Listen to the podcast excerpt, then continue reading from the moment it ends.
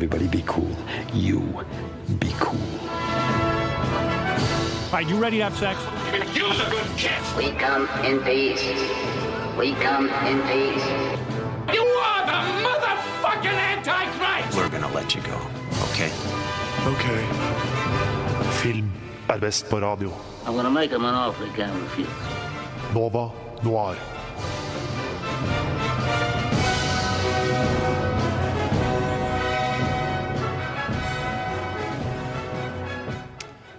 God morgen, det er torsdag, og du hører på Nova Noir. Fordi film er best på radio. Og vi har hatt eh, påskeferie, men nå, mine små påskekyllinger, er det ikke påskeferie lenger. Nå er det dødens alvor. Eksamen står på lur for de fleste. Og eh, en liten eh, spent student som jeg har med meg i studio, som snart har eksamen. Men allikevel er med meg her i dag for å snakke om film. Det er deg, Tone Hafsås. Hei, hei. Går det bra med deg? Ja. Ja? Ja, jo, det går veldig bra. Når folk sier ja, da går det ikke bra, egentlig. I Ålesund så svarer vi alltid sånn. Ok, Men det er ikke bare du som sitter her og lurer. Det er også godeste Olav. Ja, ja, ja. Nei, altså jeg har jo, sånn som uh, Tone også, en sånn generell ambivalens til uh, hverdagen og livet. Så det syns jeg er viktig å på en måte understreke da at ja, man har det bra, men man har det også litt dritt innimellom. Ja. Det, det syns jeg er viktig. Livet skal være litt dritt. Ja, det er viktig, det.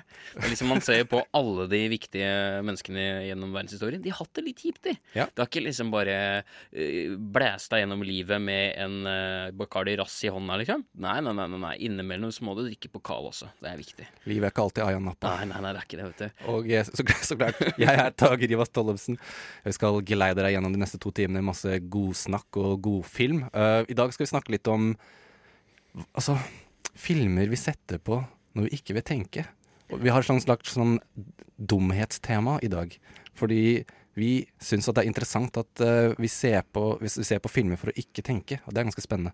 Ja, altså filmmediet vårt, dette fantastiske kulturelle uttrykket som vi tross alt uh, tar og dedikerer to timer til på hver torsdag, har jo mange bruksområder. Det er jo ikke da bare å sitte og liksom og, på sin høykulturelle hest og bare sitte og tolke liksom og finne fram monokkelen.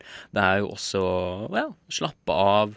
Man kan le litt innimellom. Det er, ikke, det er ikke bare for ettertanke. Og innimellom så kan man jo bare sette seg ned og se på en film man har sett 500 000 ganger før, men uh, få noe ut av det samtidig. Mm. Så er det jo også noen uh, nye filmer som kommer på kino denne uka her, og vi skal jo blant annet anmelde Underverden, en dansk uh, actionkrimfilm. Underverden! Og uh, så skal vi jo Gi opp. Jeg er så dårlig på dansk. Altså. Nei, fuck. hvis man hvis hadde sett i studio, så var han taget tok til sitt annonseple. Klemte til! Nei, nei. Som at det var hans Det er så svært, du klarer ikke å få hånda rundt det. Nei da. Men så skal vi også Skal vi også snakke om den nye norske filmen 'Fluefangeren', som du har vært og sett, Olav. Helt, eh, helt korrekt. Den eh, kommer på kinolerretet uh, på fredag, altså i morgen. Men jeg har da vært eh, på en eh, såkalt eh, pressevisning. Så jeg prøver, prøver å mene litt. Prøver Ja. å mene litt. Og så Tone, jeg vil gi ordet til deg litt, for vi skal gjøre noe veldig spennende og nytt den, eh, den sendingen her. Vi skal jo ha noe med Adam Sandler å gjøre. Hva er det greiene der? Vi skal putte Adam Sandler inn i noen av våre favorittfilmer, og forklare hvorfor han ville gjort den filmen bedre. Ja, og grunnen til at vi vil dedikere, dedikere så mye tid til Adam Sandler, det, det kommer vi tilbake til litt uh, seinere i sendingen. Men først skal vi høre Hvitmalt gjerde med Våken nå. Våken nå av godeste Hvitmalt gjerde. Eh, nå skal vi snakke litt om hva vi har sett i det siste. Og nå har det vært påskeferie, så nå har vi hatt masse tid til å se masse film og TV. Hva har du sett for noe, Tone? Jeg har ikke hatt så masse tid til å se på masse film, men jeg har jo selvfølgelig sett Skam. Også Skam, ja. ja. Skam, ja. Skam, ja. Ska, hva det skal bety? Det er skammelig å se Skam. Ja, det er litt sånn Ja, jeg har også sett Skam. Er det såkalt Det er bra, det er eh, skambelagt? Er det det der? Nei, nei da, men det er allemannseie, det, så det er lov, det. Sånn, ja. Hva syns du om eh, fjerde sesong? Osana? Jo, so far eh, liker det, altså. Det, det her blir spennende. Blir litt sånn intrige i jentegjengen, da. Ja, de liker samme gutt. Sana Oh og. Sana og godeste Nora. Ja, hva skal man gjøre Skal med man ikke bruke 300 000 kroner på en russebuss? Det er- også herregud. Ja, ja, ja, ja. Sitter gamlegutten her, da. Men jeg har følt meg litt, jeg òg. Følt meg litt, jeg òg. Ja, det er bra, Olav. Ja, ja. Men ja, så så jeg jo, for jeg, skal var, jeg skulle varme opp litt litt dette Adam Sandler-temaet vårt seinere, så da så jeg Grown Ups, en film han er med i, og det er noe av det verste jeg har sett. ja men den er, skal- den er fuckings bad. Eller det beste du har Det, sett. Det, var helt, det var helt forferdelig. Ja. Jeg satt og lo selvfølgelig, fordi det er sånn elendig dårlig humor. Men jeg nøt jo ikke et sekund av den filmen. Jeg satt bare og tenkte hvorfor ser jeg på det her? Hvorfor lo du da, hvis du ikke nyter det? fordi det er sånne absurde eh, De, de skal hele tida Altså børne hverandre. Det er det hele filmen handler om. Sånn frekke kommentarer, men Ja. Og det er jo selvfølgelig av og til morsomt, men selve handlinga i filmen og selve liksom Alt som skjedde der, det var bare så kriseelendig. Og ja, så sitter man liksom med en sånn uh, liten lapskaus av uh, selvforakt og, Ja! og selvhat, da. Og så litt selvironi. Du føler deg Ja, skitten ja, etter å ha ja, sett så det. ser du deg liksom selv utenfra og bare Hva faen, hva er det, hva er det, hva er det jeg gjør med livet mitt? Altså, nei da, men uh, jeg kan komme på mange Adam Sandler-filmer jeg setter mer pris på enn den. Så jeg Men det fins mange som er verre enn den også. Ja, det gjør Skal jeg det. love deg. Det gjør det. det gjør. det. Det kan hende. Men hva med deg, Olav? Hva har du sett på? Jeg har sett på Jeg har sett på Get Out! På uh, Ja, og jeg Du, Olav, likte ikke den filmen så godt som Altså, Det er greit ikke liker den like godt som alle, men jeg fikk liksom inntrykk av at du ikke likte den nesten i det hele tatt. Du syntes den var så jævlig sånn midt på Ja, altså, jeg var så hyped, da. Endelig kanskje jeg skulle få en sånn introduksjon til denne skrekkfilmsjangeren. Der på en måte jeg har en sånn der Canada ambivalent eh, følelse. Eh, jeg liker, jeg har noen småting, f.eks. Pans labyrint, som har visse sånne skrekkelementer. Um, setter jeg stor pris på. Men uh, så tenkte jeg ah, shit, kanskje det er en ny en som jeg kanskje kan få noe ut av, da, som har noe substans og kanskje som er litt bra. Så gikk jeg så på den på Saga på mandag, var det vel. Uh, og det var underveldende. Veldig. Jeg syns ikke at det var noe Så Du følte ikke eh, the thrill? Nei, det er jo mer en thriller enn en Ja, det er en mørk komedietriller med skrekkelementer, spesielt i de siste scenene. Eh, men eh, nei, jeg syns ikke at den er dårlig. Jeg syns den var såkalt uh, forglemmelig. Å, fy faen. Vet du hva jeg har, har å si til deg nå? Nei, Get out. fuck, ass.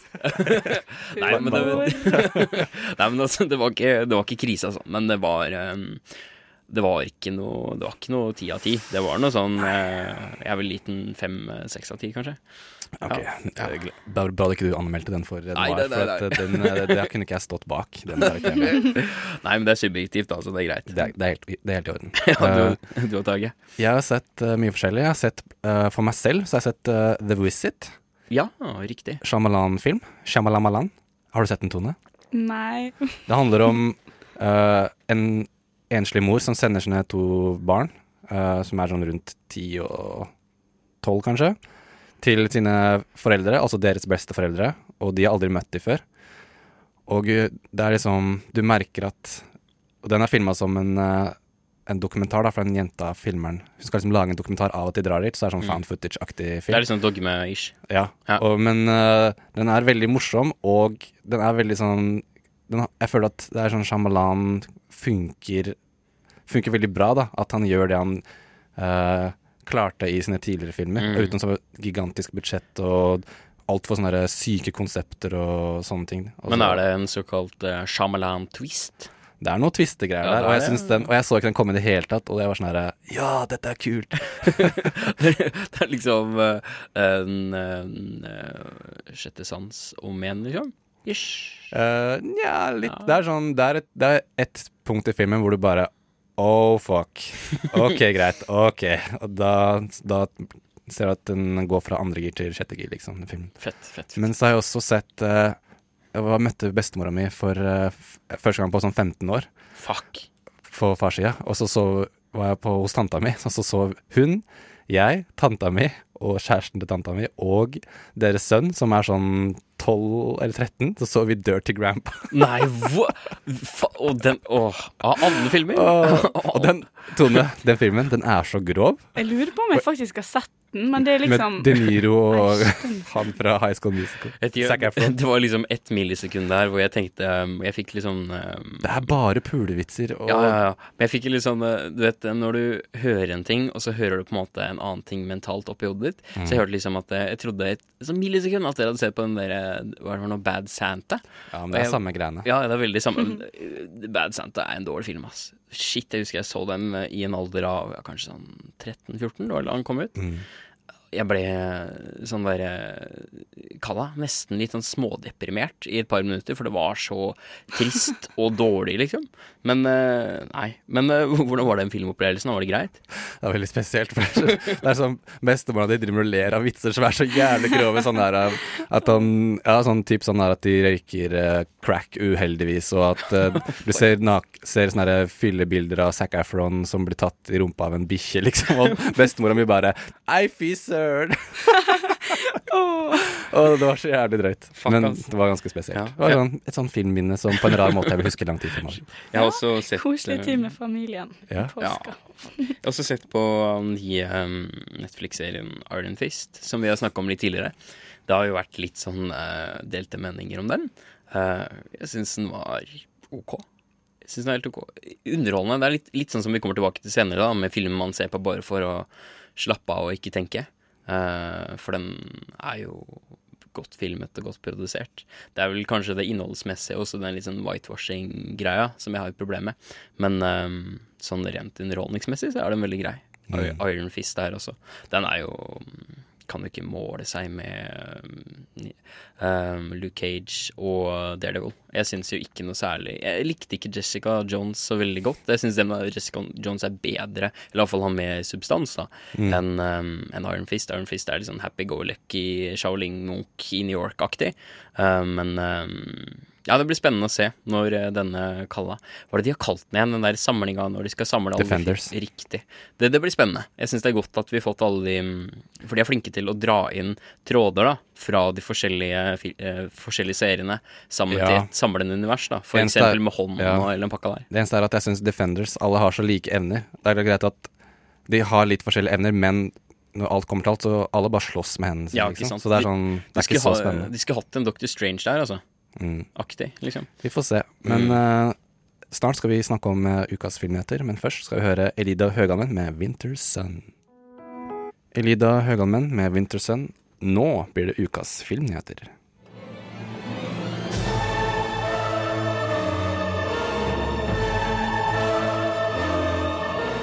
Well, hello, Mr. Fancy Pants. I got news for you, pal. You ain't leading but two things right now Jack and shit. Jack left town. Nova Noir gir deg ukas filmnyheter. Det gjør vi. Du sitter her nå i studio med Tage, meg, Tone og godeste Olav. Yeah. nå har det jo vært eh, en stund siden vi har snakka om hva som har skjedd ute i den vide filmverden.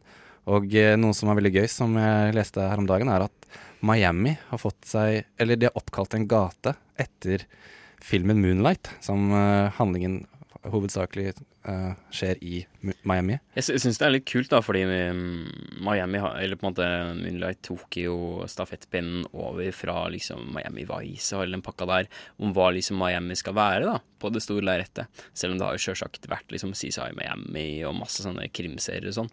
Men jeg syns at det er en litt sånn bedre ideologisk arv, arvtaker, da, enn kanskje den der 80-talls eh, Lamborghini-kjørende konstabler. Ja. Så jeg syns det er fett, jeg. Ja. Veldig kult. Og du og jeg, Olav, vi delte jo det øyeblikket på Oscar-sendingen Oscarsendingen når 'Moonlight' vant eh, Oscar for beste film istedenfor 'La La Land'. Det var, det var, det var så sjukt, det. Og jeg, Vi hadde jo pakka sammen og var klare til å gå, så plutselig bare roper du 'Hæ? Moonlight vant? Hæ? Moonlight vant?' Vi bare 'Hæ, hva skjer nå?' Måtte bare ta lufta igjen og Og de tok bare Nei, hva faen, det er kødd, det er kødd, det er kødd. Det må da være kødd. Og så bare var det jo ikke det. Det var uh, furore, som det heter. Ja. det var gøy. Ja, veldig, veldig gøy. Det var før din tid, Tone. Ja. Jeg er jo så ung og uvitende. Nei da, det er det ikke det. Men eh, hva er det som Takk, annet, Takk. Betyr mye. Vet du hva, Jeg, jeg er så sykt Jævla dårlig gamle gubber. Jeg er så sykt dårlig på når, jeg, når noen kødder med at jeg har vært nedlatende, så sier jeg sånn derre Nei da. Og så og da bare blir det enda mer nedlatende. det Nei da, jenta mi. Jeg, jeg, jeg klarer aldri å ikke være nedlatende når jeg skal liksom prøve å ikke være det. Så takk for den, Tone. Jo da. Altså, Du la jo på en måte ikke opp til at det skulle bli noe bedre, eller da, Tone. Men, eh, men eh, vi, Det syns jeg Alt er din egen feil. men, Skal vi snakke film, da, folkens? Hæ? Ja, ja, ja, ja, ja, men eh, Hva er det som skjer, Olav? Jo, nå har det skjedd eh, store ting eh, på andre deler av kloden enn i Europa.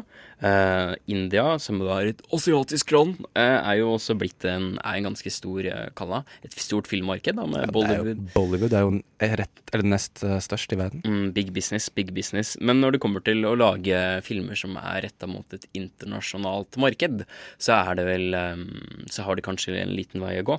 Men nå har de i hvert fall bestemt seg for å spytte 155 millioner dollars inn i et gedigent prosjekt. For nå skal jo da denne romanen Randama Osam, eh, som er en eh, kalla for, ja, modernisering da, en sånn gammel, gammel eh, sanskrit-tekst, som er på en måte en hjørnestein innenfor hinduistisk eh, ideologi og filosofi, som i utgangspunktet er et av Maharambata. Nå har jeg sikkert butcha begge navnene, så beklager det. Men i hvert fall, dette er jo da verdens fuckings lengste dikt. Nå kan jeg spørre deg, eh, Tage, nei, Tone, eh, begge to. Eh, Jeg kan først si at Terje Wiggen, som er et jævla langt, langt dikt, vet du hvor langt det er? Det er 54 vers. Det er langt. Hvor langt tror dere at dette diktet, eh, Maharambata, eller Randa Mosam, som det det nå skal bli adoptert fra, hvor, langt, hvor mange vers tror du det diktet har? Veldig mange, men ja. Mm. Nå ser jeg for meg det er sikkert sånn 1000 vers, liksom. Ja. Det blir sikkert sånn en hel bok, nesten som Bibelen, ser jeg for meg. da Hva tenker du? Hva tror du? fem, 500 til One million verse! Du, det er fuckings ikke så langt unna, det er langt unna, men det er fuckings 200 000 vers. Nei! Det er ikke kødd. Det er ikke kødd, det er så psycho-shit. Det er det er psycho-shit. Ja, men det er så dritlangt. Men nå skal iallfall det adapteres til filmmediet filmmedie med et gedigent prosjekt og veldig sånn ambisiøse planer. Men da lurer jeg på hvor mange dager varer den filmen? Du, den blir Vi orker ikke. dem, de, de kan jo ikke ha med alt, da. Men eh, naturlig nok. Men det er i hvert fall helt vanvittig stor, stor mengde materiell de skal ta for seg. Men de skal da benytte seg av internasjonale skuespillere også. Det beste fra Bollywood og India. eh, Men også der igjen, eh, ja europeiske eller vestlige skuespillere, da, for å trekke det inn i en Aha. internasjonal kontekst. Så det er veldig, veldig veldig kult, altså. Men jeg er litt uh, bekymra, for jeg leste at uh, de har fått uh, Altså, det er ikke et studio, så vidt jeg leste, som investerer pengene i filmen. Det er en entreprenør fra De arabiske emiratene. Ja, Mm. og det er liksom Hvis det er én person som finansierer hele filmen, tror du ikke han kan få Altså, tror du ikke han uh, Altså, jeg er litt sånn skeptisk på hele greia, og det virker som Hvis det ikke er et studio som står bak, at det er en enkeltperson, han kan plutselig komme med som sånn herre Jeg har spytta inn 155 millioner, liksom. Jeg skal, det skal være sånn og sånn og sånn og sånn. Han har jo kanskje ikke peiling i det hele tatt. Nei, altså Vi veit ikke, egentlig. Men uh, med sånne store investorer så får de en del makt. Men det, vi, vi får vente og se. Igjen så virka det som den enkeltpersonen hadde veldig sånn der uh, Vi skal ta over uh, det vestlige filmmarkedet-aktige ambisjoner. Så vi får se da om det blir sånn overkommersielt og driter litt på den fantastiske verdensarven de faktisk skal prøve å adaptere. Men vi får, vi får se. Jeg syns det er spennende uansett. Det er et festlig konsept. Mm. Det var noe sånt, Den nest dyreste filmen fra Bollywood var jo noe på, bare på rundt sånn 50 eller 60 millioner dollar. Mm. Så nå er det en veldig stort hopp da til neste til denne filmen her. Ja, det er kvantesprang, altså rent økonomisk i hvert fall. Så får vi se på hvordan det blir med substansen og det rent kulturelle, men det blir spennende. altså. Tone, hva har du tatt fram fra denne uka? Dette her fant jeg ut i påska, og det er at det er Jude Law som skal spille humlesnurr i de neste Fantastic Beasts-filmene. Fuck det, Tage. Fuck det. Og så det- Tone, helt seriøst. Når du tenker humlesnurr, tenker du Jude Law da? Nei, Nei. jeg gjør vel kanskje ikke det, men uh, det er irrelevant akkurat nå. La oss bare være lykkelige for at vi har god grunn til å tro at vi kommer til å få vite masse om Humlesnurr sitt liv. Så du er og- mer gira på at humlesnurr skal være med i filmen Ja. enn Jude Law? Eh, Altså For å si det sånn, jeg har jo helt ærlig ikke så veldig nært forhold til Jude Law. Jeg har jo bare sett han i Å, herregud, det er The Holiday, right? Sikkert. Ja. Der skal jo han bare se fin ut, og ja ja, det klarer jo han fint, men eh, Ja, men jeg vil ikke ha sånn pretty boy til å være humlesnurr. Nei, men du, hallo. Humlesnurr versus Altså, ja, når du tenker Jude Law, da, versus Johnny Depp i en sånn crazy love-hate-intrige, og sannsynligvis så får vi jo se Eller det er i hvert fall det vi fans driver og Tror at og han er håper, homofil, ja. Nei, ja, det Ja. er jo én ting, men jeg tenker den svære duellen Ja, der riktig. Humlesnurr vinner over Grindevall, Mm. selv om han har Olstaven, noe Og som får ikke eh, burde være mulig. Ja. Får det eldre ja. Det blir veldig fett. Ja, det er så kult! Herregud, jeg er så spent. Dette her er sånne ting som får meg til å bare tisse i buksa, nesten. Jeg måtte bare se om det er noe fra stor... Måtte sjekke gulvet, var det Ja. det du tenkte på? Ja. Nei, men jeg- Nesten. Ok. Nei, men jeg det var tørt her. det er litt sånn som med det her òg. Vi får vente og se.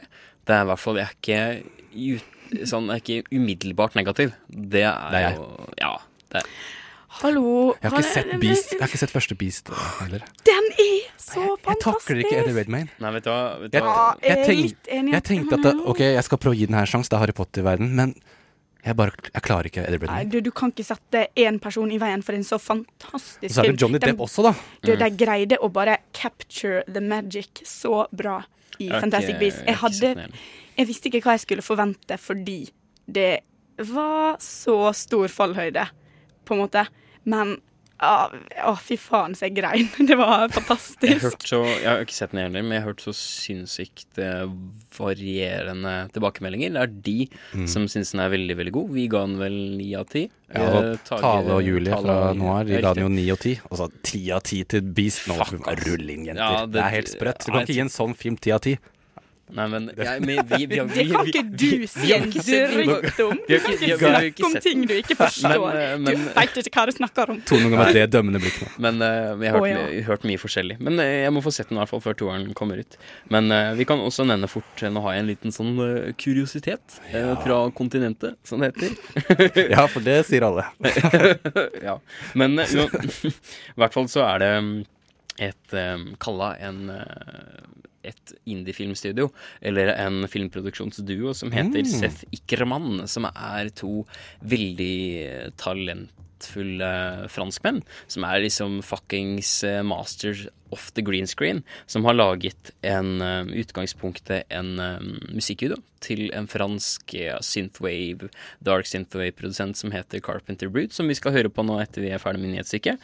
Um, de lagde da en um, Kall det liksom intro da, til et nå påbegynt filmunivers, um, som skal hete Dette filmuniverset skal da hete um, Blood Machines, uh, og blir da liksom en um, Ja, et sånn sci-fi-opera, da. Eh, basert på musikken til Carpenter Brute. Og, og nå i fjor så kom da ja, kalla prologen-aktig til dette filmuniverset, som er musikkvideoen til Turbo Killer. Og, og nå i juli så kommer da hele dette, dette eposet, da. Ja. Ut til musikalsk, sånn sci-fi-aktig eh, musikkopera. Litt sånn parallell til eksempel det Daft Punk gjorde med Discovery-skiva si. At de gjorde på en måte da en hel plate om til en musikkvideo. Det gjør på en måte den fusjonen da mellom filmmediet og musikken.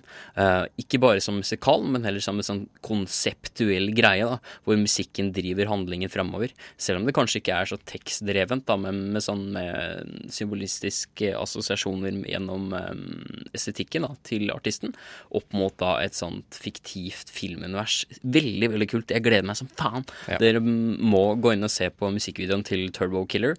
Den er fuckings dritbra, altså. Ja, jeg så den i går kveld. Det var veldig kul. Eh, veldig visuelt sånn Litt sånn uh, Stranger Things-aktig, Things-aktig, hvor de har sånn der uh, Det ser ut som sånn Grand House-film, men uh, estetikken er veldig sånn sci-fi, steampunk-aktig også samtidig, kanskje. Absolutt. Så sjekk det ut. Eh, etterpå så skal vi nå anmelde tre, eh, tre, anmelde, trailer, sier anmelde Underverden, den danske filmen. Men først skal dere høre den låta som Olav praiser så masse, som heter Carpenter Brute med Turbo Killer. Eh, Carpenter Brute med Turbo Killer, hørte du der. Du hører på Nova Noir.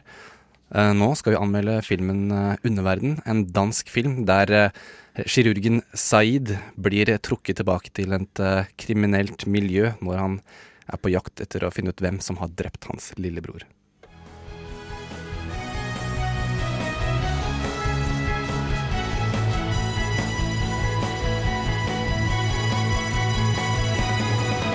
Nova Noir presenterer ukas kinopremierer. Du har et fingeraftryk. Du har et, noget, et DNA-spor. Han var altså en del af et miljø, som ikke var Guds bedste børn. Drengene for gården siger, at Semien har haft noget med det at gøre. Hvad der skete med Yasin er ikke din skyld. Yasin døde. Forstår du det? Det tog min bror fra mig. Der hørte vi altså at uh, det er en lillebror som heter Yasin, som er dødd. Og eh, jeg må si at når jeg først eh, så den filmen her, så ble jeg veldig imponert eh, i den første scenen. Eh, regien og kameraføringen var bare helt sånn magisk. Det, det føltes ut som en sånn top notch amerikansk actionfilm. Du, vi blir liksom introdusert til noen tydeligvis kriminelle karakterer som skal begå et bankran. Og så går ting skeis. Og det er sånn måten den actionscenen var koreografert, var, var så kult. For det er sånn du, du de, som de setter opp hva de skal gjøre, og så følger du en person som skal gå inn i banken, og så går kameraet vekk fra han, så går den til en annen action, og så skjer det noe, og så går den tilbake igjen til uh, han som gikk inn i banken, og nå kommer han ut med alle pengene, og så Det er så utrolig kult, noen sånne long takes og sånne tracking shot og sånne ting, så jeg syns først at wow, dette her kommer til å bli en utrolig fet film. Klipper til eh, Zaid, hovedkarakteren i filmen. Han er en eh, vellykket kirurg. Litt sånn Dr. Strange-aktig. Du ser han opererer og er flink og vellikt og har en flott leilighet, vakker kone som venter deres første barn. Men så får han beskjed om at lillebroren hans er død, og da starter eh, det som blir en slags noir action-thriller, hvor han er på spor etter å finne ut egentlig hva som har skjedd med lillebroren hans. da. Og jeg syns at filmen starter utrolig godt med action og sette opp karakterene. Saeed. Vi ser han, hvor, han hvor vellykket han er i sin egentlig hvite verden. Han er jo uh, med utlendingsbakgrunn. Altså, han er irak iraker. Og når uh, lillebroren hans blir drept, og han ser mistenkelige gjengmedlemmer i begravelsen, så skjønner han at det er et eller annet som ikke er riktig med døden til lillebroren, og han begynner å dra tilbake til eh, slummen der han kommer fra, hvor familien fortsatt bor, og prøve prøve å finne spor, da, hva som egentlig har skjedd med broren. Og det utvikler seg til å bli en slags sånn hevnfilm, for at han vil ha hevn for det som har skjedd med lillebroren hans. Fordi at politiet virker som de på en måte ikke bryr seg noe særlig om saken. Så det er det Underveien handler om. Uh, hva tenker dere? Høres dette ut som en film dere ville ha sett? Før jeg går videre. Jeg syns det høres um, veldig kjent ut. Ja. Um, I hvert fall hele um, Kalle det med noen utenforstående som skal inn på en måte i en sånn, et kriminelt miljø, en verden som er liksom merkelig og litt sånn Kalle det mystisk Mm. og litt ukjent. Men, uh, og hele den der pakka med liksom, ja, som du sier, en sånn hevnaktig greie. Høres jo ikke Plottet høres ikke nyskapende ut, men det er jo gøy at det er satt i danske rammer. Er det i København da, sikkert? Ja, det skjønner mm, jeg. Riktig. Um, ja, spennende. Og så er det jo også morsomt å se hvordan forskjellige kulturer på en måte tar tak i sånne rammeverk, da, Mm. sånn rent narrativmessig. Så det er jo spennende. Syns du at det føltes fresh? Var det nytt, liksom? Den, den føltes fresh i starten, for jeg trodde det skulle være en sånn skikkelig sånn god actionfilm. Men uh, det jeg syns var litt dumt med filmen, var at når den utviklet seg til å bli en sånn der, øh, slags noir-film, som i forskjell er en kul sjanger, hvor som, du får vite noe informasjon, så følger du den informasjonen, og så leder den til noe nytt, så videre. Men jeg syns det ble så utrolig nei, forutsigbart plott, at jeg kunne liksom se hvor det her kom til å ende veldig tidlig. Så jeg følte at når den ble en sånn type sånn Ok, jeg må finne de som har tatt broren hans, og så skal han ha hevn, så følte jeg at ok, jeg kan liksom se slutten allerede i hodet mitt. Men jeg vil påpeke at det som var veldig bra med filmen, var tematikken. For det er veldig mye sånn Saeed er eh, storebroren som har måte klart å integrere seg og blitt en vellykket kirurg. Og han har på en måte forsvunnet litt vekk fra der han kommer fra, i gåsehendene. Altså der han vokste opp i København, og også litt at eh, familien mente han har mista kulturen sin. da. Der må trekke frem Mm. spesielt en scene hvor han snakker med faren sin. hvor eh, faren sier sånn Du har glemt at du er iraker, og så Du har på en måte glemt at, eh, hvor du er fra. Og så Saeed liksom, trekker fram gardinene og peker liksom ut. Er det her Irak? Du, liksom, du har sittet i sofaen i 13 år og bare sett på Iraks, uh, TV fra Irak, liksom. Vi er ikke i Irak lenger. Du må liksom forstå at nå er vi i Danmark og integrere dere. Mens jeg syns den tematikken var utrolig kul, for at jeg kan tenke meg at både karakterene Det er liksom hans indre konflikt, da. At jeg er eh, iraker, men jeg må også Jeg lever i en mer eller mindre hvit verden, men samtidig, hvordan skal jeg på en måte beholde den eh, bakgrunnen og kulturen jeg har? Men det er også en indre konflikt jeg tipper at de fleste med innvandringsbakgrunn har i den eh, Altså i hverdagen, da. Så jeg syns det var utrolig kult. Men føltes det um, autentisk? Sånn at det på en måte kommer fra um, en skribent eller fra, en, fra et sted som virk, virka ektefølt? Eller var det mer sånn type høyrepopulistisk preking om at innvandrere må integreres? Hva føler hvor Det føltes autentisk. Mm, og eh, han som har regissert den, har, er jo fra Irak også. Så det, jeg merka at den, spesielt dialog med familie og sånne ting, det var sånn Dette her er ting han har opplevd selv, så det her var utrolig bra.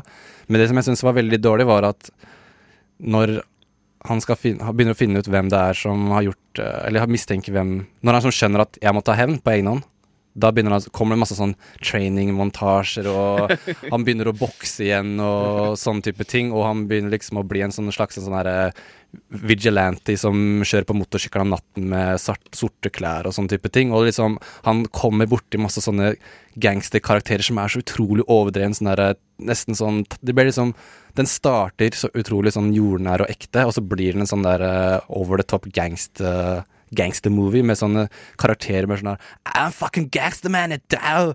Jeg har fucking piga og 1000 kroner! Spytter penger bla, bla, bla. Det høres litt sånn ut som en nordmann som prøver å være fransk. Altså, jeg skal ikke si at eh, dansk etterligner er spesialisert her, Tone. Så det er liksom noe du bare Det starter jo litt sånn jordnært ekte, og så ender det opp med liksom masse folk med UC-er som bare Ja, typ, typ sånn at eh, det starter jordnært ekte, og så blir det bare sånn eh, Ja, det blir sånn, han blir nesten sånn Terminator. Så jeg syns at uh, Og den overgangen føltes veldig plastisk, da, eller unaturlig? Den føltes veldig rar ut. Oh. Og uh, den, den skjer gradvis, men når du på en måte er inni inni andre halvdel av filmen, så er, blir det på en måte for usannsynlig for min del. Så Mm. jeg syns den starta utrolig bra, men så bare falt den sakte, men sikkert uh, ned i underverden. Wow. Men det rent tekniske, det rent tekniske da var det, åssen var det?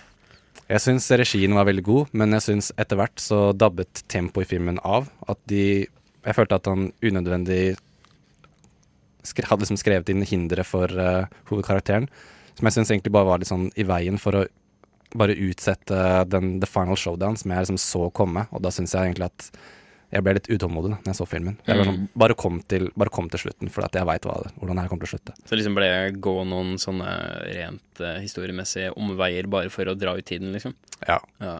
Men det som er man, Jeg merker at jeg, jeg brydde meg om karakter, hovedkarakteren Zaid, og jeg brydde meg om Når han tar dumme valg, eller det man kan kalle dumme valg, så merka jeg at det, man, man blir engasjert. For jeg er sånn her Hvorfor skal du gjøre det der? Du skal liksom risikere alt du har. Du har liksom per, dritbra jobb, bra leilighet, bra kone, alt sammen. Skal du liksom bare kaste alt i dass for å få hevn? Jeg, jeg kjøpte ikke helt den, da. Men Og så, er det, og så høres det i hvert fall for meg, jeg har ikke sett filmen, um, men det høres litt sånn dissonant ut da, når han snakker liksom at han er så integrert og blitt så dansk, og så Mm. drar han inn på en måte hele det der med hevnaspekt og sånn, som i hvert fall sånn innenfor filmsjangeren da, ofte kan oppfattes som en sånn der veldig sånn, uh, kalla gammeldags mentalitet, da. Eh, som kanskje har mye med mm, ja, noen andre kulturer, da. I hvert fall rent stereotypi, stereotypisk. Eh, men, men det er jo ikke mm, Men jeg veit ikke. Det, det hørtes spennende ut at de har prøvd det i Danmark, men jeg, som det høres ut som, så virker det som det kanskje ikke har løst det helt Mm. ideelt. Det er en uh, veldig voldelig film. Den har veldig mye ganske grusom vold etter hvert. Uh, og jeg syns at for de som liker action, så er det ikke en ganske Det er ikke en dårlig actionfilm i seg selv, men jeg syns at den tonemessig så går den fra å være jordnær og dramatisk til å bli en usannsynlig gangster-actionfilm med karakterer jeg rett og slett ikke kjøper. Så jeg vil gi den en fem av ti. Eh, teknisk god, men eh, den kunne blitt så mye mer, syns jeg. Så fem av ti til Underverden fra Mr. Tage. Eh, nå Så etterpå så skal vi snakke om at alt blir bedre med Adam Sandler. Så først skal vi høre 'Formation on the Board', og så etterpå så skal vi hver for oss uh, trekke lapper om hvem som skal pitche hvilken film med Adam Sandler i. Så ikke stikk av, dette blir utrolig morsomt. Jeg gleder meg så Men, men først uh, 'Formation on the Board'. Nova Noir så liker vi all slags type film, spesielt norsk film. All norsk film er best film. Send en norsk film til oss, gi den ti av ti.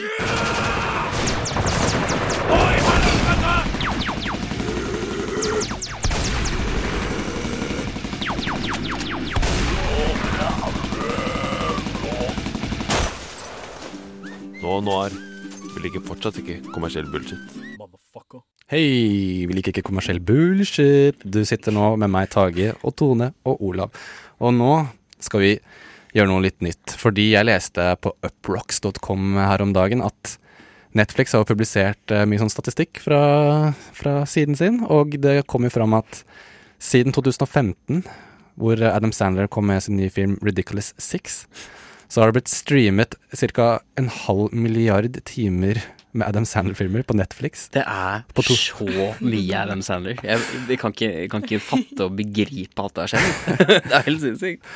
Og, det, og de har gjort noe matte, da, den eh, nettsiden. Og, og det kom jo fram til at eh, i måneden så streamer altså, streamer altså Blir alltid streamet ca. 29 millioner timer med Adam Sandler-filmer i måneden. Det er ca. 1 million timer om dagen med Adam Sandler-filmer på Netflix. Tenk på det, dere. Det er eh, Altså, jeg vet ikke om jeg skal uh, le eller gråte. Altså Nei. Så derfor tenkte jeg at uh, i ære av Adam Sandler, så skal vi ta uh, fem gode klassikere.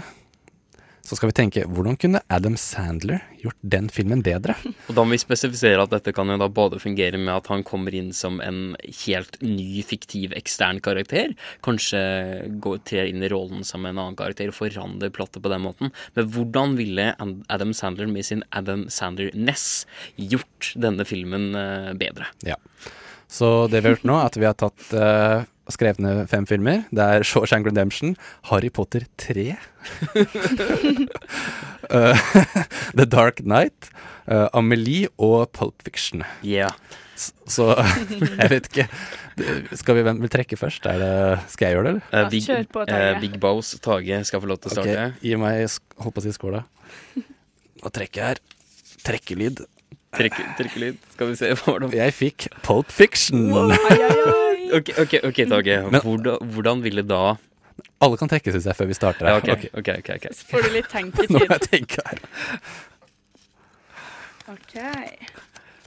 Shawshank. Shawshank. Oh, Shawshank Redemption Ja. til Tone. Hva er det jeg får, da? Fuck, ass. Uh...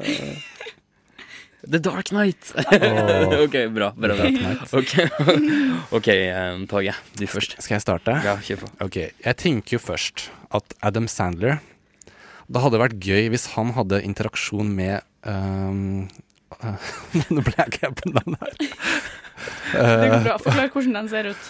han sorte mannen som alltid er med Tarantino. Tenker du Ja. på Samuel Jackson? Ja, på Samuel Jackson. Jules Winefield heter karakteren. Ja, altså jeg ville at Jeg vet ikke om han skulle vært en sånn tredje leiemorder, eller om han skulle erstatta Erstatta Vincent Vega. altså Jeg vil at Adam Sandler skal være Vincent Vega, tror jeg, rett og slett. Oi. For det hadde vært så utrolig gøy med Samuel Jackson og Adam Sandler som har sånn banter seg imellom. Og jeg kan liksom se for meg at Adam Sandler mer som uh, Billy Madsen-aktig karakter gjør sånne dumme ting, sånn som Vincent Vega gjør. For eksempel å altså uheldigvis skyte Ja, ja, ja. en fyr i Ja. huet. Eller da han legger fra seg våpen, og så blir han eh, drept sjøl, holdt jeg. Ja, ja, ja. Men det som kunne vært gøy, var jeg så, jeg så for meg med en gang jeg hørte konseptet med Pulp Fiction, tenkte jeg Tenk om da Adam Sandler var, eh, var en bitte, li, bitte liten sånn Antman-aktig liten skikkelse som var den tingen som var nedi kofferten. Tenk om han var nedi Og han bare ned i kofferten og bare Hva faen er det her? Hva vi skal gjøre? Adam Sandler er nede i kofferten her! Og så tenkte jeg også at det var veldig gøy Du vet når de er nede i en pawnshoppe, um, der de raper han der eh, mafiafyren, Ja. Uh, og, Bruce Willis tar og blaster han fyren med katana ja, og han gimpen eller der. Mm. Jeg tenkte hvis Adam Sandler hadde vært han der um, security guarden, da, hva er det han heter for noe? Jeg tror jeg Sed. Ja. Uh, han der skikkelig sleske, ekle typen som blir, liksom, skal bli torturert. Hva er det, hva er det han sier for noe? Han eh, bare I'm gonna go, uh, go medieval on your ass. Eller Ja. noe sånt. Jævlig bra. jævlig bra Men hvis han hadde vært han liksom, be, Se for deg forskjellen da mellom han som spiller Sed i virkeligheten, som bare Bring out the gimp, og bare øh, er skikkelig ekkel, og så er det Adam Sandler med «Åh, Gimpen! Og bare «Woho, woho, woho», Og så bare Skal vi ta deg eller deg? Woho. Eller Adam Sandler som Gimpen. Bare Bare- Han lager sånne Gimp-lyder hele tida i alle filmene sine, føler jeg. Ja, veldig, veldig. Eller kanskje bare Adam Sandler som selger milkshake. The five dollar Ja, ja, ja, ja. milkshake. Og det bare, det bare på det er også. han. Han bare står der, og det, that's it, på en måte. Mm. At han, men istedenfor Steve Buscemi, at det er han som selger Ja, milkshaken. ja. Som en- Bare selger milkshaken. ja. Men tenk, da, tenk hvis Adam Sandler skulle dansa den der ikoniske dansen med Uma Thurman. Ja, det tenkte jeg også på. Er så så bare, men så taper de. Det er Ja, plott ja, de taper, da, Og da, og, da, og da klikker Adam Sandler og banker opp dommeren. Det må liksom det må, Ja, sånn som i eh, Happy Gilmore. Veldig, veldig, veldig. Mm. Åh, det var så typisk. Uff. Ja, ok, Jeg føler det var min pitch. ok, Tone, din tur. Jo, i Shawshank Redemption så har du jo han søte bibliotekaren, han gamle Brooks. Ja. Oi, wow. Nå skal du få litt musikk her. Ja, for Brooks slipper jo ut av fengselet, men han har jo, som Red kaller det, blitt institutionalized. Og det går jo ikke så veldig bra. Han kommer ut til et halfway home, men han greier ikke å tilpasse seg livet på utsida. Og tar livet sitt. Men OK, stopp den triste musikken. Det passer ikke med Adam Sandler. jo, bare fortsett. Ja, ok, faen heller. Adam Sandler er da jobber på det halfway-homet som Brooks kommer til. Og han blir som den sønnen Brooks aldri hadde. De, han, han gir han litt livskvalitet og verdi på sine siste dager. Og han lever lykkelig og dør en naturlig død. Åh. Mm. Hva er det du, hva er det du tenker, Tage? Hva er det Adam Sandler ville gjort med Shawshank? Altså, jeg hadde vært kult hvis du hadde tatt uh, Adam Sandler sin karakter fra The Longest Yard. Ja, ja, ja, ja, Hvor han er sånn uh, Hva var han bas baseballspiller? Som, Nei, uh, amerikansk fotball quarterback-aktig type. Ja.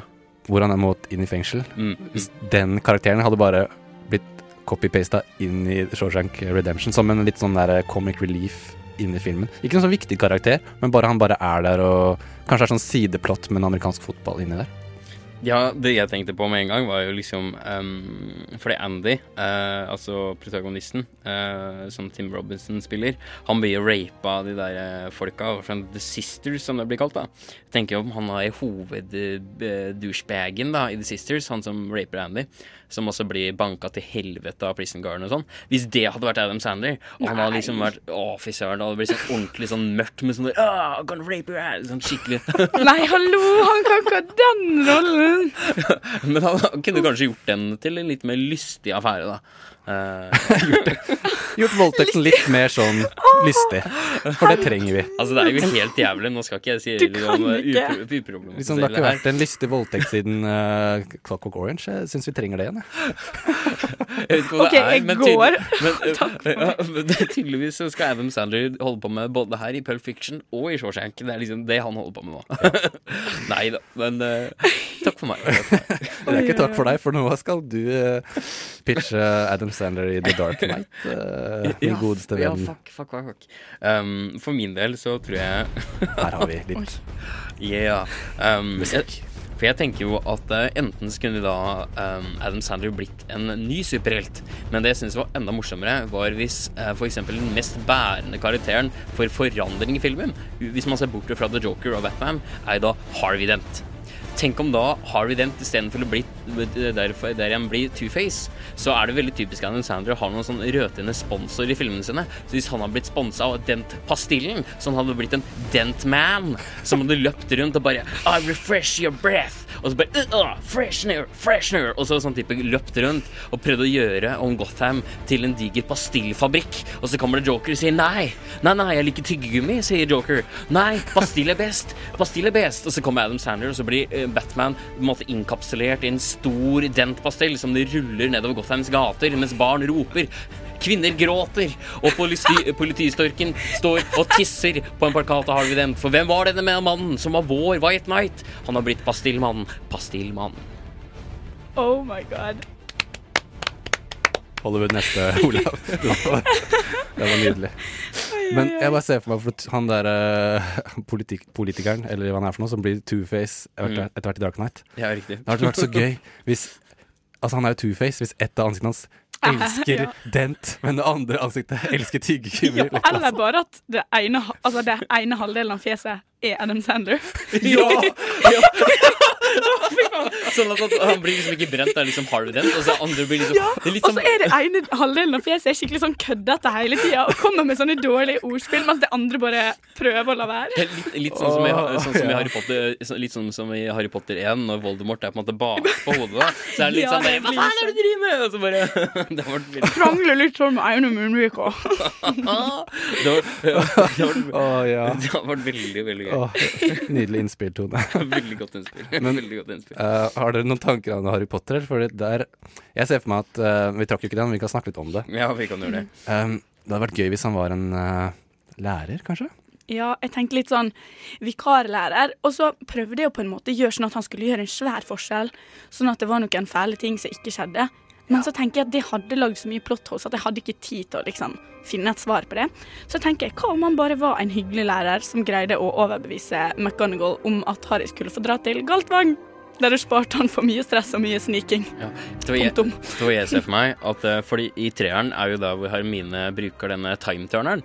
Litt sånn Inception-style, så har vi dette kjedet som vi på en måte skrur tilbake i tiden, så vi får vært i flere timer samtidig, og de går på en måte for å redde Buckbeak og hele den pakka der. Men jeg tenker nå, hvis Adam Sandler hadde vært en litt sånn type The Doctor-aktig, sånn Time Police-type, da, som hver eneste gang hun går tilbake i tid, så kommer Adam Sandler bare ah, hva faen er det du gjør nå? Så bare, du kan ikke gjøre det der. Du kan ikke gjøre det der. Ikke kast en stein der. Og så på en måte er bare bakgrunnen og bare kommer med slibre, dumme kommentarer hele tiden.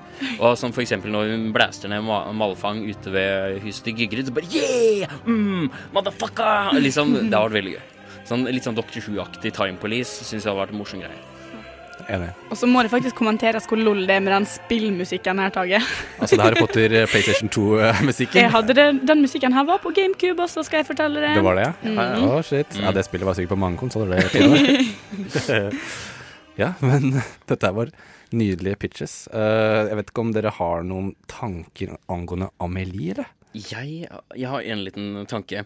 Fordi en bærende karakter som er liksom i bakgrunnen og liksom mystisk, er jo denne mannen som er um, foto, fotobooth-aktig operatøren. Ja. Som på en måte river i stykker bildene sine, som blir pressa under automaten. Som på en måte er mysteriet. Hvem er dette mennesket? Som kommer liksom og skal eh, ta bilde av seg selv da, en gang i året, og som bare river av bildet og går. Det er på en måte et stort mysterium i løpet av filmen. Hva om det hadde vært Adam Sandler? Og det viser seg da, istedenfor at han er en sånn fotobooth-operatør, tenk om han isteden hadde vært en sånn type creep som ikke, som ikke tør å ha speil hjemme, men en gang i året, da, så må han liksom gå og på en måte sett, ser er alle vortene mine, har de blitt noe bedre, alle vortene jeg har i fjeset? Så går han til fotobooten og sjekker da, og så bare ah, fuck, de er det fortsatt! Jeg er vortefjes, liksom. Og så, Og så river han og så river han og så går. Å nei. Og så kunne også hagenissen, som uh, hagenissen til faren til Amelie, som blir sendt rundt i verden og han får Det er Adam Sandler? Det er Adam Sandler.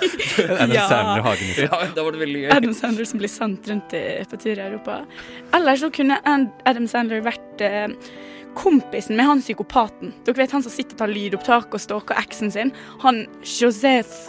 Han er jo bare den ekleste fyren noensinne. Og hvis Adam Sandler hadde vært kompisen hans, så tror jeg han hadde gått bort til han og Vet du hva, ta og så skjerp deg! Smekka han i trynet, og så bare fått han til å slutte å være en creep.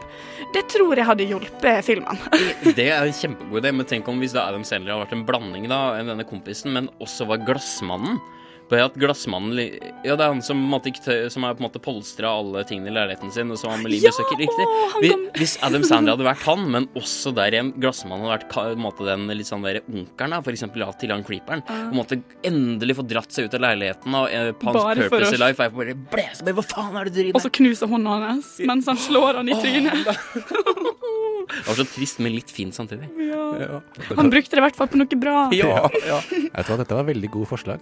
Jeg syns at uh, Jeg tror egentlig de fleste, fleste filmer kunne blitt mye bedre med Adam Sandler.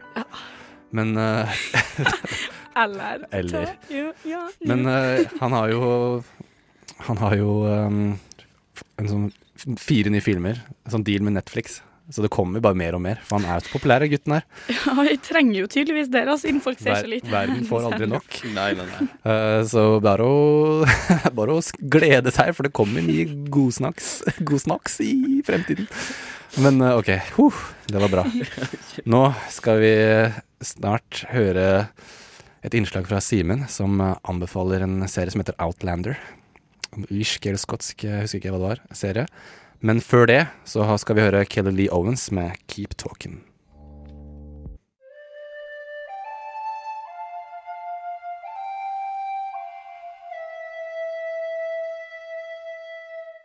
Hvordan ville du ha klart deg hvis du plutselig ble transportert 200 år tilbake i tid? Ville du ha klart å tilvinne deg skikkene og forholdene, eller ville forandringene blitt for store?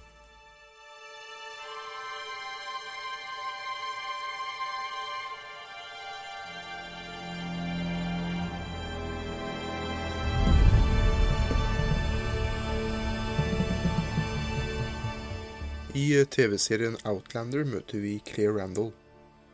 Vi er i 1945, like etter at krigen er over. Claire er på bryllupsreise i Skottland med mannen sin. De har vært eh, atskilt siden krigen startet, Claire som en sykepleier i hæren, mens mannen var en offiser langt unna. De forsøker å få tilbake gnisten igjen etter alt de har opplevd, og reiser til den lille skotske byen Inverness, nordover i Skottland og de drar derfor rundt for å se gamle ruiner og minnesmerker. Hun befinner seg ved Craig Nadun, gamle rituelle steiner som har stått ved Inverness i århundrer. Med hører hun susing. Hun tar seg til steinen, og plutselig blir alt svart. Hun våkner opp 200 år i forveien, i året 1742.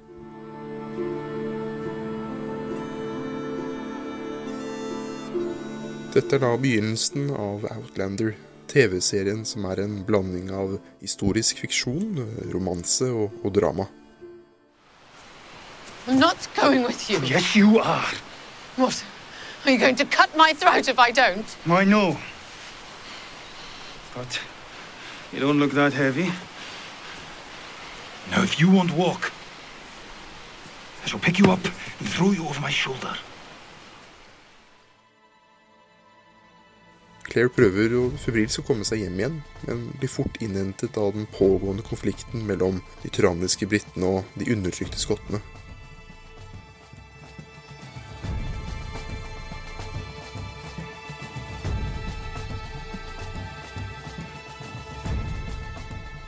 Dette er en TV-serie som bruker god tid på å etablere karakterene godt, slik man får et inntrykk av hvem de er.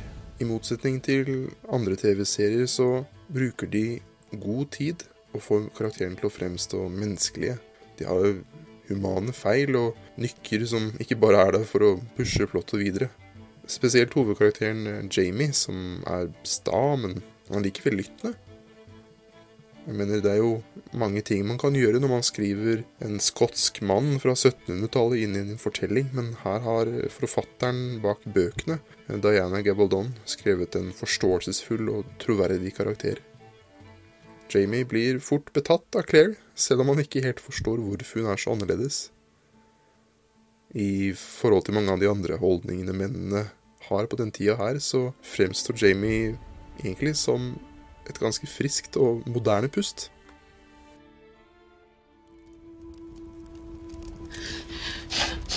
I'm sorry. I didn't mean to.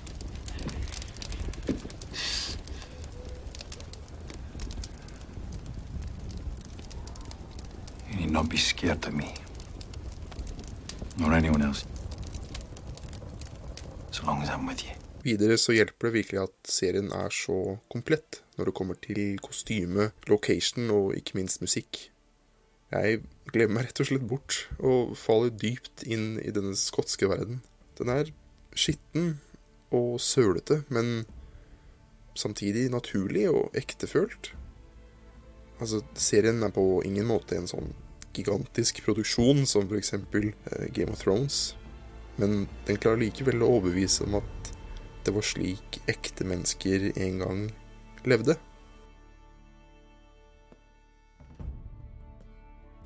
Apropos hvordan ting faktisk var, så skyr heller ikke serien bort fra å vise brutaliteten man fant på den tida her.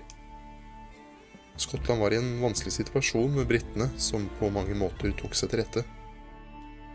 Portretteringen av ekte skader, overfall og voldtekt skjer flere ganger, og det er mange episoder som har en ganske mørk tematikk. Å behandle såpass ømme temaer føler jeg fort kan gå galt, men Outlander klarer hele tiden å behandle temaet med respekt. Og vise hvordan mennesker kanskje kan gå videre, eller ikke gå videre.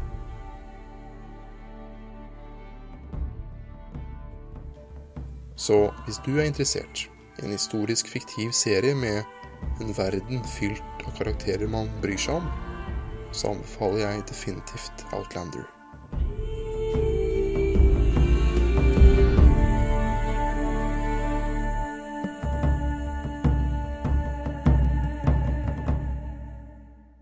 This is my Italian confidential secretary. Her name is Alata. Alata China. Come again? A lot of vagina. Ah, I'm sorry, I'm just not getting it. It sounded like you said your name was a lot of, uh... Never mind. Nova Noir får hva du hører. du får hva du hører. Uh, velkommen tilbake til Nova Noir, holdt jeg på å si. Takk, takk. Velkommen. Sitter her med meg, Tage og Olav og Tone. Og uh, nå har vi jo snakket litt om uh, Adam Sandler, som mange kan påstå er en litt sånn type Eller hans filmer er litt sånn dumme filmer. Så jeg har lyst til å snakke litt om um, film som et bruksområde. Altså vi ser på filmer på forskjellige måter, og noen ganger så ser jeg på film, og da vil jeg se på en film jeg ikke trenger å tenke når jeg ser på filmen. Du kan liksom bare press play og um, slappe av, da. Ja. Altså, substansen er liksom Enten så har du sett filmen så mange ganger at det går ikke an å bli like investert, eller på en måte bli like overraska, eller du behøver ikke følge med like mye, da, så du kan chille. Eller så er det bare en film som er så substansløs at det er, det er ikke noe å følge med på. Ja.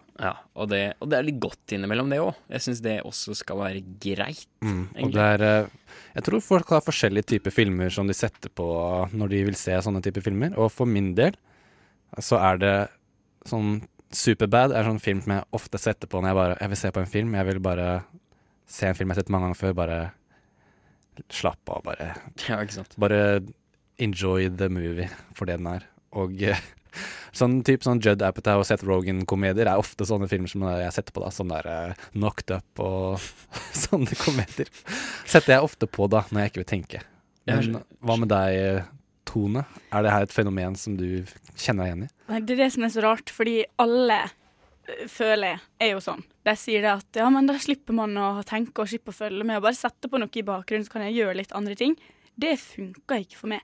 Når jeg ser en film, så må jeg se absolutt alt som skjer, uansett om jeg har sett den filmen over 20 ganger. Så følger jeg med på det som skjer, og jeg vil ha med meg alt, og jeg må trykke på pause hvis jeg skal smøre på brødskiva mi, liksom. Og sånn er det med alle serier, og mens alle setter på sånn Altså, til, hvis jeg er på besøk med noen, og TV-en står på, og det er typ liksom Sinnasnekkeren, så begynner jeg Altså, det er jo noe drit Nei, er det dumt å si? Jo, bare si at det er noe drit. Ja, Si det er det er noe drit, drit, men jeg, jeg, jeg tar jo meg sjøl i å bli helt sånn Jeg blir helt sånn inni det programmet, og på en måte Herregud, ja. Jeg blir sånn emotionally attached til det programmet mens det står på, på en måte. Fordi jeg må følge med, da. Så jeg, ja, hvis jeg skal slappe av, så kan ikke jeg se på film.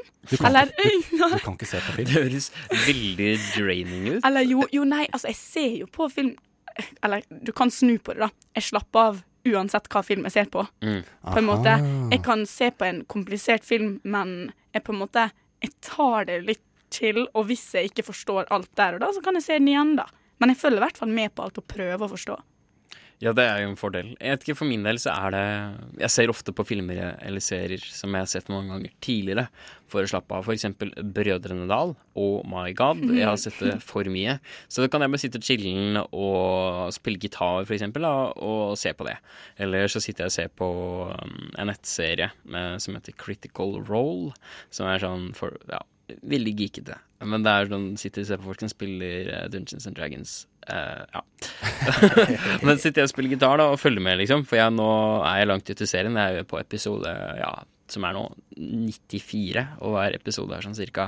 Ja, fire til fem timer. Å, så det er sånn For å komme seg up to speed, så kreves det flere uker med sammenhengende seing, da. Men jeg har sett på det, men jeg har sett på det i flere år, da. Ikke sant? Ja. Så for min del nå så er det på en måte all den sosialdynamikken og hvor de skal og sånn, ligger så latent da Mm. i meg og det moduset jeg kommer inn i når jeg først er der. Så jeg kan sitte og chille og gjøre det noe morsomt, sitte og spille gitar og høre på sweeps og sånn. da Men eh, men så er jeg veldig glad i å se på 80-talls actionfilmer når jeg skal chille. Og, Ja, for jeg vil trekke fram actionfilmer ja, også. Ja, ja, veldig. Actionfilmer. Men i hvert fall så er det sånn um, spesielt 80-talls actionfilmer som er sånn skamløst litt sånn dårlig. Så min store favoritt er Tango and Cash, som kom ut i 1989, hvis du ikke har sett den. Se den! Helst på vors når man drikker. For det er med Sylvester Stallone og Kurt Russell, som er liksom to litt sånn uh, To politimenn da, som er veldig sånn forskjellige. Han er er litt sånn der sånn type etter boka-politifyr. Og andre er sånn derre uh, veldig sånn der uh, vigilante, gjør sin egen greie. da De må måtte bli slått sammen som et team og renvaske navnet sitt og ta en sånn der superskurk. Og de har sånn high-tech-biler og bazookaer, og det er kjempegøy. Og sånn kjempeklein åttetalls syntmusikk, og jeg storkoser meg. Uh, også sånn eh, Se på ting som ja, Blade Runner er jo ikke en sånn klein actionfilm, men den er åttetalls, og den er stas, og den er koselig, ser jeg masse på. Sånne type ting, da, som er litt sånn kan chille den uten å måtte se på alle detaljene. Og det er litt godt innimellom, det òg. Ja, fordi at eh, eh, forrige uke så kom jo Fast and Furious eh, 8 uh, på kino. Og eh, den har forresten slått uh, sånn internasjonal box office-rekorder for som, største åpningen eh, noensinne, eller et eller annet sånt. Altså, de filmene her er jo veldig populære, men folk kritiserer det jo for at det er drittfilmer. Men så er det også de som sier, eh, argumenterer mot det, med at Fast and Furious, skal liksom, da skal du liksom skru av hjernen din og bare nyte adrenalinruset og de teite one-linerne og sånn type ting. Og så tenker jeg at er det greit å gi en film den kreditt Altså si at det her er en film som du bare kan nyte fordi du skrur av hjernen din? Eller er det, er det på en måte for billig å si at det er greit? Hva tenker dere? Jeg tenker at eh, filmer prøver jo på forskjellige ting. Jeg tenker at en film er så god som eh, i hvor stor grad den får til å oppnå det den prøver å få til. Eh, og Fast and the Furious får jo til det i veldig stor grad. Når det kommer til en sånn type objektiv diskurs om det er god kultur og god film, så kan vi snakke om andre ting. Men uh, på et subjektivt nivå, da man oppsøker i filmmediet og der en prøver å se til en spesifikk opplevelse, så går det ikke an å dømme og si at det er bullshit. Det er jo um, det er opp til hva man vil ha ut av filmen, og hva filmen igjen prøver på, Mm. tenker jeg, i hvert fall på et subjektivt nivå. Kanskje det, kanskje det heller mente er at noen ganger så ser man filmer for å opp, få mer en opplevelse enn at man vil nyte en god historie og Mm. sånne type ting. Og da går f.eks. Fast and Furious innenfor den derre action, adrenalin, rus, høy musikk og høyt tempo-type filmer, da. Så kanskje vi kan Altså, actionfilm er noe du ser på, Tone. Er du liksom, ser du på filmer for å få den derre adrenalinrusen som folk eh, Ja, kanskje oppsøker ofte? Ja, av og til, kanskje, men eh, ja. Jo, så den skjønner jeg egentlig litt, da. Den med at du bare skal ha stemninger. Og det er jo veldig mange actionfilmer som er sånn Altså, du får adrenalinkick av å se på det, og du sitter der og blir veldig sånn Å, herregud, selv om det på en måte Ja, du vet kanskje hva som kommer til å skje, det er kanskje åpenbart, så ja.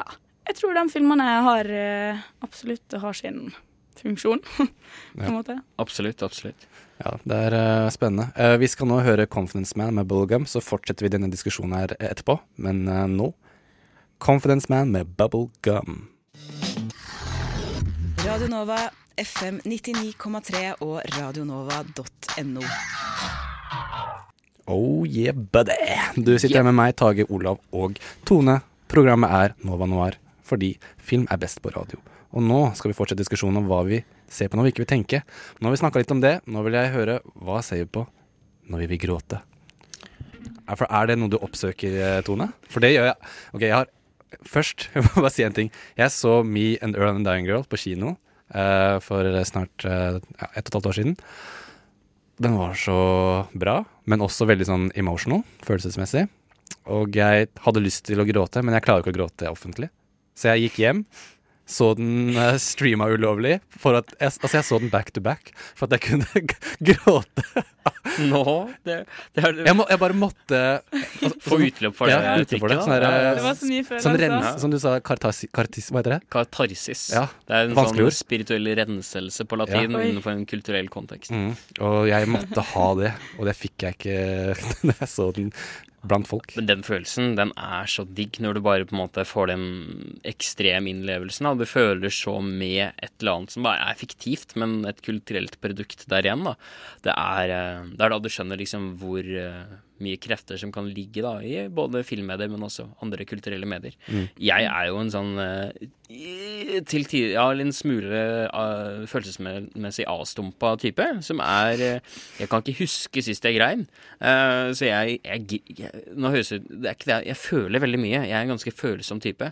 Men, eh, men jeg er ikke noe flink til å Jeg får ikke til å liksom vise det så veldig fysisk. Nei. Jeg gråter liksom ikke. Det gjør jeg ikke. Men du Tone, setter du på en film for å gråte, eller bare veit at du kommer til å gråte alt uansett? Så det er ikke Ja, det er, nesten, det er nesten litt sånn. Når jeg ser på film, så griner jeg. Nesten hver gang. Og det det er litt patetisk, men sånn er det bare. Jeg arver det etter mo- kjære mor, hvis du hører på. You know it. Uh, det er Det er din skyld. Jeg ja, det er din feil. Ja, men altså, Stakkars mamma. Hvis jeg ser på hva som helst av filmer som jeg har sett da jeg var yngre, da er det nostalgitrip der jeg griner fra start til slutt, uansett hva som hender i de filmene. Og spesielt, spesielt Disney-filmer, ikke sant. Mm. Altså, 'Løvenes konge' er jo obviously drittrist, så det er jo greit, men altså, 'Lilo og Stitch', 'Skjønnheten og udyret', alle disse der er- Alle ja, som jeg brukte å se da jeg var yngre. Men så kan jo jeg se nesten hva som helst nå. Altså, jeg kan grine av sånne dårlige romantiske komedier. Så kan jeg grine som et uvær av det, liksom. Det, det klarer ikke jeg. Nei, jeg, jeg blir bare småfrustrert og hater livet, jeg. Men uh, for, for, for min del så er det sånn Apropos Disney, da. Det er på en måte to øyeblikk um, innenfor Disney-universet som jeg får litt sånn klump i halsen. Jeg begynner jo ikke å grine, men jeg blir sånn åh, fuck, ass. Det er både uh, når Hercules skal gå til uh, tempelet til Zeus og synger oh. den der eh, sånn type mm, Åh, hvilken sang er det det er igjen som han synger da? Den der um... Fra hero til zero? Nei, nei, nei. nei. det er den eneste sangen jeg kom på nå. På det, å nei, jeg husker ikke hvilken det er, men det er i hvert fall den Er ikke den um, I Can Go The Distance? Jo, jeg kan Ja, gå det distansen. Å, ja, Fy faen, da er det litt sånn Og så er det også i Kjøreplaneten med Sjørøverplaneten. Å, fy faen, det er min den. favoritt-Disney-film. Jeg elsker Den tror jeg jeg har sett én gang for 100 år siden. Jeg elsker Kjøreplaneten Både boka, men også filmen. Og den ene sangen der, som er den derre um, Å, ikke sant, nå får jeg helt sånn brain fart. eh, hvilken sang er det Ja, men en fin, trist sang. Den Da- er Åh, den, åh, fy faen. Sorry, Åh. men jeg kan ikke hjelpe, for jeg har ikke sett uh, Kjøreplaneten. Jeg er for gammel. Jeg er for gammel for sånn her skvip. Også, Du- jeg var ikke kid når den kom. Brorsan, den kom på 90-tallet.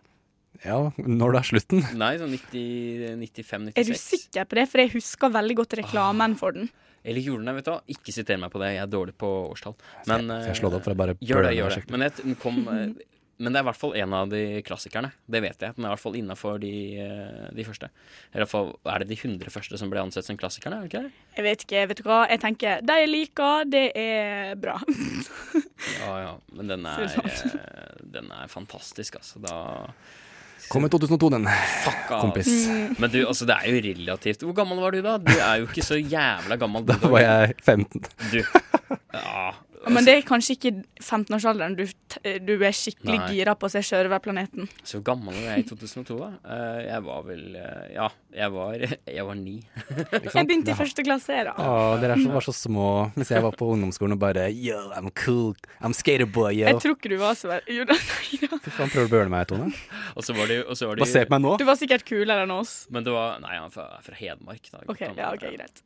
Ok. Men uh, Nei, nå ble det dårlig stemning her. Sorry, jeg tar det tilbake. Dere er snille. Jeg er så jævlig piss nå. Du Ja, aner ikke. men jeg er fra, jeg er Oppland, jeg, da, så jeg er ikke, jeg er ikke noe bedre sjøl. Liksom. Men nostalgi, det er jo kanskje det man søker ofte når man ser film. For at det er ofte jeg går på Netflix bare Det er mange filmer jeg har lyst til å se, men sånn Jeg orker ikke å se La Dolce Vita fra 1957 eller whatever nå. Jeg har lyst til å se Jeg vet da faen, ja. Inception eller noe sånt. Mm. Bare se et eller annet sett før. For det er sånn Noen ganger blir ting for eh, høykultur for at jeg kan nyte det som Liksom, noen ganger vil du gå på fin restaurant, noen ganger vil du bare ha Mækkern, liksom. Ja, ikke, at, ikke nødvendigvis at en uh, Gomman-film er Mækkern-kvalitet. Eller, eller noen ganger så har du lyst til å gå på liksom spise en sånn der fancy art food-greie, ikke sant? Med sånn treretters ting når du får liksom ett uh, riskorn med noe sånn derre uh, tabasco-infisert indrefilet og masse sånn tull. Og sånn andre ganger så har du lyst til å spise liksom com- comfort food, da, ikke sant? Gå på indisk og spise chicken tikka og bare Mm. kose deg og gafle i deg hvitløksnavn. Det er, en måte, det, er like, det er en like fin opplevelse, men kanskje ikke like utfordrende, da. Mm. Så det er jeg enig i, altså. Nei, men uh, vi er litt uh, Vi er mye forskjellige, men jeg tror vi på mange måter ser film for uh, de samme grunnene ofte. Kanskje bort fra Tone. Nei da. Nei, jeg ser den jo i hvert fall av helt ulike grunner, fordi grininga den er bare en sånn Den bare er med på Den- lasset, ja, den. den Den er kan det. ikke jeg unngå. Den er det alltid. Ja, men, så jeg vil gjerne høre hva folk der ute syns. Det er bare å skrive til oss på hva skal vi si, Facebook, eller sende melding til studio. Du kan gjøre det på nettsida. Bare, vi er interessert i å høre hva folk ser på når de vil ikke tenke, eller når de vil gråte, eller når de vil ha nostalgi. You name it. Uh, men nå skal vi snart uh, anmelde en annen film. Du har sett 'Fluefangeren', Yeah. Olav. Men før det så skal vi høre Just a Gent og Kaspo med 'Sovereign'.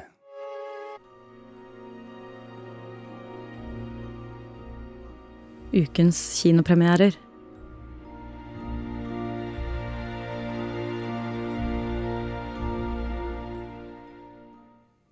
Just a Gent og Kaspo med 'Sovereign'.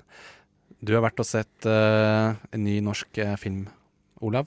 Det har jeg- Det har jeg, vet du. Fluefangeren. Vi befinner oss i en liten makedonsk landsby som den siste tiden har opplevd mye politiske splidelser. Uh, og for å prøve som en motreaksjon til det her, da, så prøver en lærer å nøste opp i disse sosialpolitiske flokene som har spredd seg helt ned til de aller yngste i samfunnet.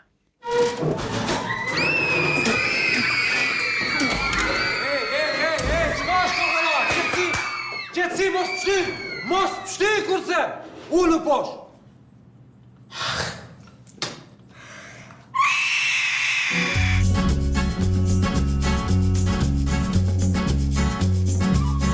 Happy talking to you. Unë nuk e di si sillem mësues tjerë me ju edhe nuk më intereson. Po në orë time, e sa jam unë. Nuk do t'ju prek kërkush me do. As tira t'as unë. Një me nësë atë. Am shilen u e atë. Me sa ndohu e shkopi. A venjët ditën e parë. Me mu do merim i vesh vetëm me fjallë. Gjartë? Tira mu, që ke? Që?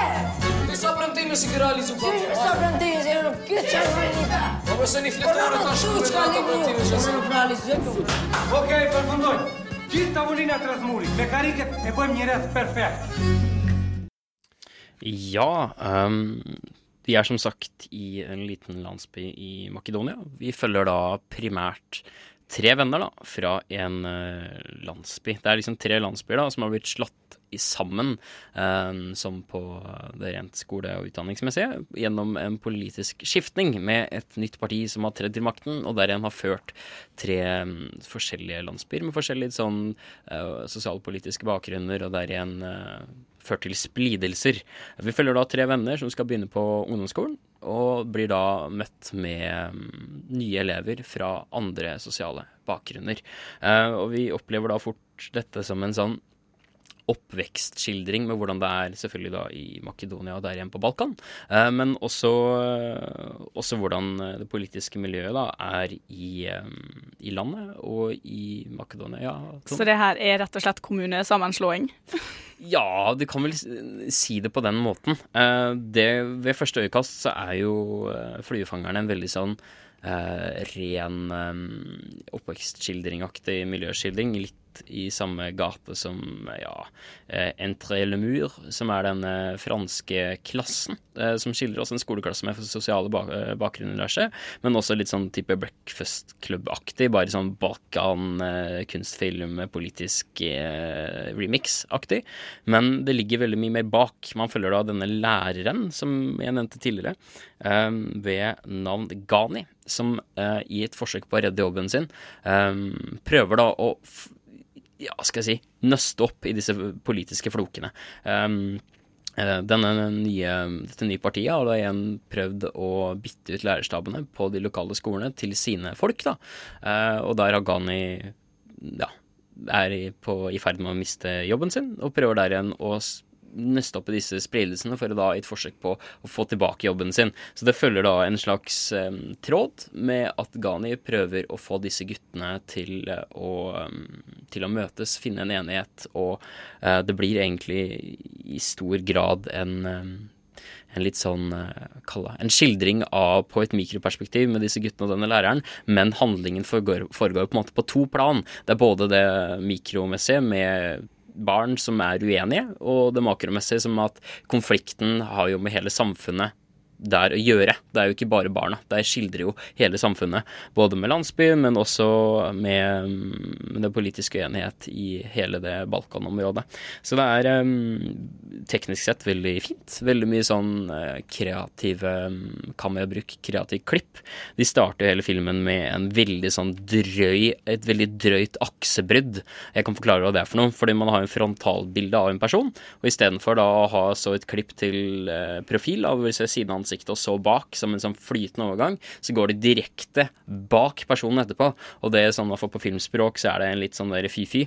Men hvis man bruker det mm, bevisst, eh, og jeg snakka også med mm, de som sto bak filmen i etterkant, og det var et veldig bevisst valg, så det er veldig mye sånn kreativ eh, teknisk bruk, veldig god dybdeskarphet, lyden er veldig god. Som dere hørte på traileren, så er også eh, musikken veldig sånn autentisk. Så det tekniske ligger veldig godt til grunn, men det er på en måte historiemessig med skildringen av oppvekst, barn som er forskjellige, eh, og en sånn uskyldig um, måte man vet ikke, Man liksom konsumerer foreldre og voksnes meninger, og det på en måte blir en del av deg selv. Så man blir liksom en sånn usky, et uskyldig lite sånn der ideologisk gissel da, uh, av eh, det voksne, uh, voksne delen av samfunnet som du blir et produkt av. Og det er en veldig sånn spennende greie. Man følger da på en måte spesielt utviklingen til Gani læreren. Det er han som det kanskje skjer mest utvikling med. Han starter som en veldig sånn snill, sympatisk, løsningsorientert herremann, men ender opp med å bli mer og mer brutt ned da, i løpet av denne slags meglingsprosessen. Eh, og dette kan da både skildre hvor vanskelig det er å skape mm, enighet og ordne opp i splidelser, men det, det at han igjen stenger de inne på klasserommet for å løse det her, blir også en, sånn, en skildring av et, nesten et diktatur. Så det er veldig mye sånn ideologisk sett mye spennende å ta tak i. Um, den har veldig mye substans og vil si veldig mye. Uh, har mye som jeg nok ikke forsto bare med én uh, Med én Man har sett den gjennom én gang, så jeg burde helst ha sett den et par ganger til, tror jeg, og lest meg litt opp på uh, makedonsk, albansk og generelt eh, politikken og hvordan eh, miljøet er på Balkan. For det kan jeg dessverre ikke nok om. Men den var, eh, den var en god skildring. Jeg syns det var eh, litt problematisk med barneskuespillere.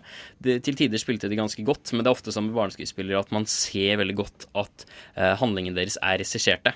Man ser liksom at motivasjonen som ligger bak en handling eller bak en replikk, er ikke sånn en ektefølt eh, karakterutvikling. Det er mer sånn type de har fått beskjed om å gå dit og gjøre det fordi det er det som skal skje i filmen. Det Skuespillernivået er liksom ikke Modningsnivået på de som individer har liksom ikke kommet langt nok. Så det skinte gjennom relativt fort. Eh, og så er det den clashen mellom mikro- og makroperspektivet i eh, narrativet, med at eh, man blir veldig engasjert da i denne mm, disse, bar disse barna og hva de holder på med, og den direkte, konkrete handlingen. Mens jeg føler liksom at makroperspektivet med det politiske miljøet, med, med alt det som foregår rundt, som måtte, det på en litt gjennom. da.